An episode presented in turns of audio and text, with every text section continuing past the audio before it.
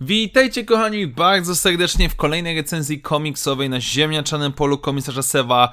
I niestety, czy mi się to podoba, czy nie, będziemy dzisiaj zajmować się serią komiksową, która w mojej opinii absolutnie powinna się natychmiast skończyć i jest jedną z najgorszych, jeżeli nie najgorszych rzeczy, jakie dostaliśmy do tej pory, czyli Star Wars Darth Vader od Grega Paka, zeszyt 22. I, i Naprawdę staram się nie tyle rzetelnie podchodzić do tych swoich recenzji, co trzymać się pewnego rodzaju zasad, pewnego rodzaju podejścia, żeby dawać wam mimo wszystko, mimo w krótkiej bardzo formy, pewnego rodzaju mm, odczucie, co możemy, czego nie możemy dostać w danym zeszycie i jak to właściwie się prezentuje. I mimo wszystko zawsze staram się patrzeć na jakieś poz pozytywy w tym wszystkim, co dostajemy. Ale Wybaczcie mi, ale przy, przy serii Darth Vader już nie jestem w stanie. Już, już po tylu zeszytach absolutnie nie mam ochoty tego czytać, nie mam w ogóle czasu, chęci skupiać się na tym w jakikolwiek sposób, bo, bo moim zdaniem nie ma absolutnie sensu. No ale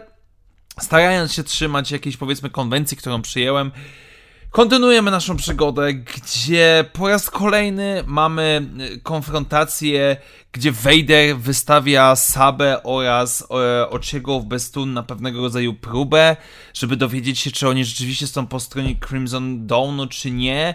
I mamy całą konwersację, na czym wam zależy i nam zależy na porządku, a nie na chaosie, bo, bo Imperator służy chaosowi. Potem mamy znowu ps filozoficzne pseudo-bełkoty Darta Vadera połączone z jakimiś dziwnymi potworkami, które biją się nawzajem. Potem Darth Vader niby służy Crimson Dawnowi, to znaczy podszywa się pod kogoś, kto przejmuje władzę.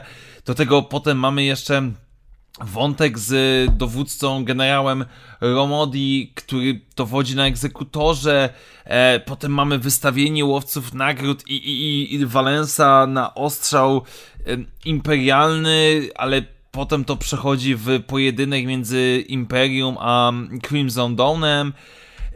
I oni się wszyscy wybijają, i oni wszyscy tracą swoje siły i i, I na samym końcu Sabe otwarcie mówi, że wie, że Vader jest Anakinem Skywalkerem i to jest tak popieprzona historia. Ja już nie wiem, ja już nie, ironicznie z jednej strony nie wiem, a kto jest po której stronie, kto wykorzystuje kogo i to nie w taki pozytywny sposób, że wiecie, budujemy jakieś napięcie, budujemy jakąś intrygę i nie do końca wiemy, co się dzieje, tylko po prostu nie wiem. I najgorsze jest to, że ja absolutnie nie chcę wiedzieć. Ja się boję, kiedy te zeszyty będą wychodzić w wersji polskiej, kiedy będę musiał mimo wszystko jeszcze raz to przeczytać, żeby zrecenzować po polsku.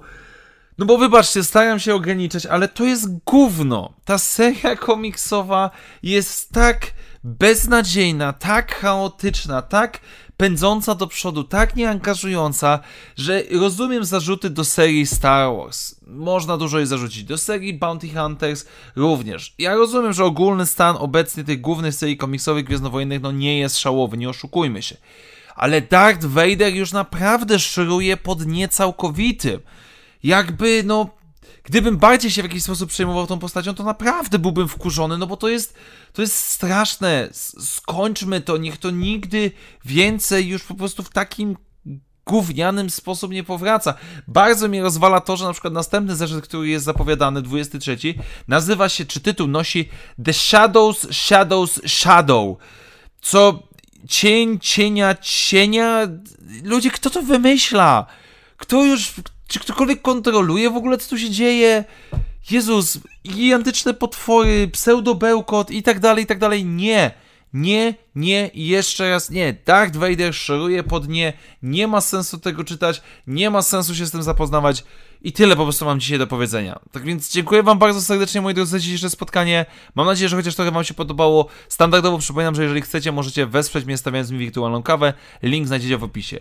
Do usłyszenia w następnych materiałach i jak zawsze, niech moc będzie z Wami. Na razie, cześć!